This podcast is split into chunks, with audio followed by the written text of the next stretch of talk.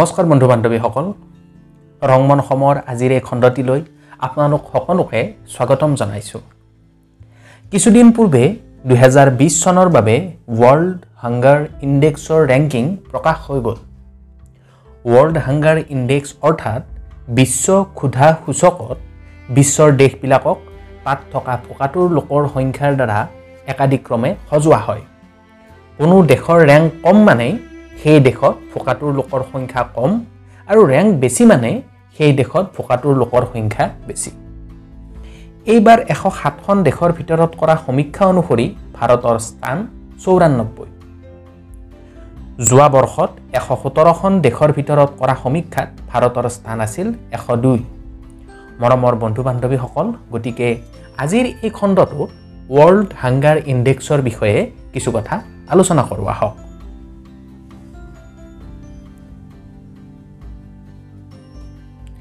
দুহেজাৰ ছয় চনৰ পৰা দুটা সংস্থাই এই ইণ্ডেক্সটো পাব্লিছ কৰি আহিছে। এই সংস্থা দুটাৰ নাম হ'ল কনচাৰ্ণ ৱৰ্ল্ড ৱাইড আৰু ৱেল্থ হাংগাৰ লাইফ। এতিয়া আমি চাওঁ আহক কি কি তথ্যৰ ওপৰত ভিত্তি কৰি এই সংস্থা দুটাই ৱৰ্ল্ড হাংগাৰ ইণ্ডেক্সৰ ৰিপৰ্টটো তৈয়াৰ কৰে। আচলতে সংস্থা দুটাই মুঠ চাৰিটা কাৰকৰ ওপৰত ভিত্তি কৰি ৰিপৰ্টটো তৈয়াৰ কৰে। এই কাৰককেইটা হ'ল প্ৰথমতে আণ্ডাৰ নাৰিছমেণ্ট আণ্ডাৰ নাৰিছমেণ্ট মানে হ'ল জনসাধাৰণে যিমান পৰিমাণৰ কেলৰি থকা খাদ্য পাব লাগে তাতকৈ কিমান কম কেলৰি পাই আছে। দ্বিতীয়টো হ'ল চাইল্ড ৱেষ্টিং এইটোৱে বুজায় যে পাঁচ বছৰৰ তলৰ শিশুসকলৰ হাইটৰ তুলনাত ৱেটটো কিমান কম।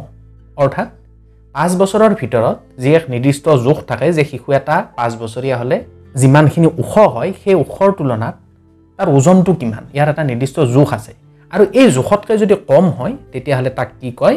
ৱেষ্টিং তিনি নম্বৰ কাৰকটো হ'ল চাইল্ড ষ্টাণ্টিং এইটো হ'ল পাঁচ বছৰৰ তলৰ শিশুসকলৰ বয়স অনুসৰি উচ্চতাটো কিমান কম?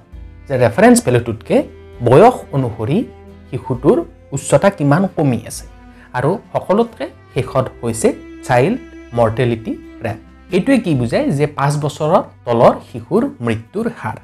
গতিকে আপোনালোকে গম পালে এই চাৰিটা কাৰকৰ ওপৰত ভিত্তি কৰিয়েই ৱৰ্ল্ড হাংগাৰ ইণ্ডেক্সৰ ৰিপৰ্টটো বা ৰেংকিংটো প্ৰকাশ কৰা হয়। এতিয়া আহক এইবাৰ ভাৰতৰ ৰেংকিঙক লৈ আমি কিছু কথা পৰ্যালোচনা কৰোঁ। ৱৰ্ল্ড হাংগাৰ ইণ্ডেক্সত এইবাৰ ভাৰতৰ স্থান হ'ল চৌৰান্নব্বৈ। এশ সাতখন দেশৰ ভিতৰত ভাৰতৰ স্থান হৈছে চৌৰান্নব্বৈ। ভাৰতৰ এই স্থানক অতিকে পিছপৰা বুলিয়ে আমি ক'ব লাগিব।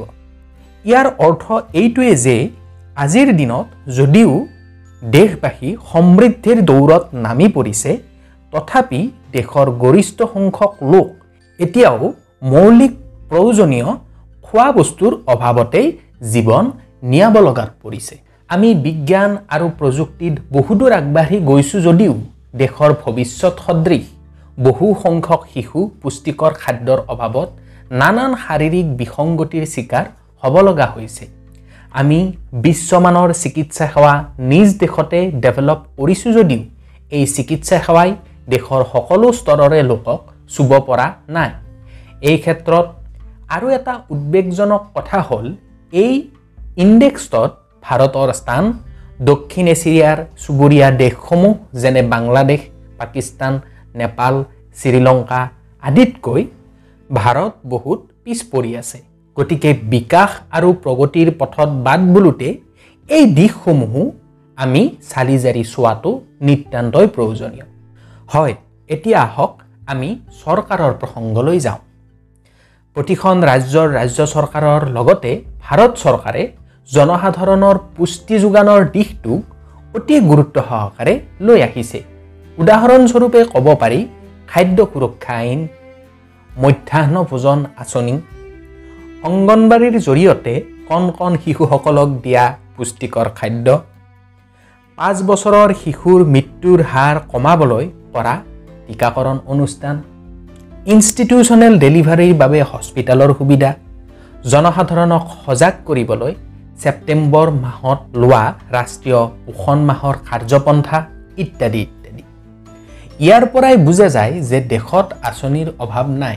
অভাৱ মাথো এই আঁচনিসমূহৰ প্ৰকৃত ৰূপায়ণ। এই ক্ষেত্ৰত অকল চৰকাৰৰ ওপৰত ভৰসা কৰিয়েই বহি থাকিব নালাগিব। চৰকাৰী কৰ্মচাৰীসকলৰ লগতে সাধাৰণ জনতায়ো আঁচনিসমূহ ফলপ্ৰসূ কৰাৰ বাবে নিষ্ঠাৰে কাম কৰি যাব লাগিব। গতিকে মৰমৰ বন্ধু বান্ধৱীসকল সাধাৰণ নাগৰিক হিচাপে আমাৰ কৰ্তব্যনো কি? এই বিষয়ে কিছু আলোকপাত কৰোৱা হওক। প্ৰথমতে ক'ব লাগিব খাদ্যৰ অপচয় ৰোধ। আপোনালোকে চাওক আমি ঘৰতেই হওক নতুবা বিয়া সবাহ ইত্যাদিতেই হওক এটা কথা মন কৰোঁ যে তাত বহুত খাদ্যৰ অপচয় হয়। প্ৰয়োজনতকৈ বেছি আমি লওঁ আৰু বেছি সংখ্যক খাদ্যই আমি পেলাই দিওঁ খাব নোৱাৰি। গতিকে এই ক্ষেত্ৰত আমি সাৱধান হ'ব লাগিব। ঘৰতো শিশুসকলক সৰুৰে পৰাই এই শিক্ষা দিব লাগিব যাতে খাদ্যৰ অপচয় যাতে নহয়। যিমানখিনি খাব আমি পাৰোঁ সিমানখিনিহে আমি আমাৰ খোৱা প্লেটত ল'ব লাগে যাতে খাদ্যৰ অপচয় ৰোধ হয়। দ্বিতীয়তে হ'ল আৰ্তজনৰ প্ৰতি সহায়। আমি জানো যে ভাৰতবৰ্ষত এক বুজন পৰিমাণৰ লোক দৰিদ্ৰ সীমাৰেখাৰ তলত বাস কৰে। গতিকে আমি যিমান পাৰি সিমান এই লোকখিনিক দৰিদ্ৰ সীমাৰেখাৰ পৰা ওপৰলৈ উঠোৱাত সহায় কৰিব লাগে। আৰ্তজনক আমি সহায় কৰিব লাগে। ইয়াৰ উৎকৃষ্ট নিদৰ্শন হিচাপে আমি ক'ব পাৰোঁ যে বৰ্তমান সময়ৰ ক'ভিড নাইণ্টিনৰ দ্বাৰা জৰ্জৰিত জনসাধাৰণক আমি ইটোৱে সিটোক সহায়ৰ হাত আগবঢ়াই এক উল্লেখযোগ্য নিদৰ্শন আমি দাঙি ধৰিছোঁ। উদাহৰণস্বৰূপে অসমতে সমৰ্থবান লোকসকলে নিজে যিমানখিনি পাৰে সিমানখিনি সহায় আৰ্তজনৰ প্ৰতি আগবঢ়াইছে লগতে আৰ্তজনক উদ্ধাৰৰ প্ৰতি সঁহাৰি জনাই বিভিন্ন ধৰণৰ চৰকাৰৰ ফাণ্ড যেনে চিফ মিনিষ্টাৰ ফাণ্ডেই হওক বা প্ৰাইম মিনিষ্টাৰ ফাণ্ডেই হওক সকলোখিনিতে সমৰ্থবান লোকসকলে তাত দান বৰঙণি আগবঢ়াইছে। আৰু এই যিখিনি দান বৰঙণি উঠিছে এই বৰঙণিখিনি চৰকাৰে প্ৰকৃত কামত ব্যৱহাৰ কৰি আৰ্তজনৰ প্ৰতি সহায়ৰ হাত আগবঢ়াইছে। তৃতীয়তে আমি ক'ব লাগিব সজাগতা। সকলোতকৈ ডাঙৰ কথাটো হ'ল সজাগতা। আমি সজাগ হ'ব লাগিব। সাধাৰণ জনতাই চৰকাৰে কিবিলাক সুবিধা দি আছে এইবিলাকৰ প্ৰতি সজাগ হ'ব লাগিব সচেতন হ'ব লাগিব চিকিৎসাৰ সুবিধা ক'ত ক'ত পোৱা যায় কেনেকৈ আমি চিকিৎসাৰ সুবিধা লাভ কৰিব পাৰোঁ এইবিলাকৰ প্ৰতি সজাগ হ'ব লাগিব সচেতন হ'ব লাগিব। সজাগ সচেতন আমি তেতিয়াহে হ'ব পাৰিল যেতিয়া আমি প্ৰকৃততে শিক্ষিত হৈ উঠোঁ। গতিকে এই ক্ষেত্ৰত শিক্ষাৰো এক প্ৰভাৱ আছে। গতিকে জনসাধাৰণে কণ কণ শিশুসকলৰ শিক্ষাৰ প্ৰতি গুৰুত্ব দিব লাগে যাতে শিশুসকল শিক্ষিত হৈ ভৱিষ্যতে এই দেশখন সুন্দৰভাৱে পৰিচালিত কৰিব পাৰে। লগতে আমাৰ দেশখনত যিবিলাক সমস্যা আছে ক্ষুধা পুষ্টিহীনতা শিশুৰ মৃত্যুৰ প্ৰকৃত চিকিৎসা সেৱাৰ অভাৱ এই আটাইবিলাক সমস্যাৰ বিৰুদ্ধে যাতে আমি একেলগে যুঁজ কৰি জয়লাভ কৰিব পাৰোঁ। গতিকে মৰমৰ বন্ধুসকল আজিলৈ ইমানখিনিয়ে। আশা কৰিছোঁ আপোনালোকে আজিৰ এই খণ্ডটো শুনি ভাল পালে। অহা খণ্ডত পুনৰ নতুন এক বিষয় লৈ আপোনালোকৰ মাজত অহাৰ প্ৰতিশ্ৰুতিৰে আজিলৈ বিদায় লৈছোঁ। আপোনালোকক বহুত বহুত ধন্যবাদ।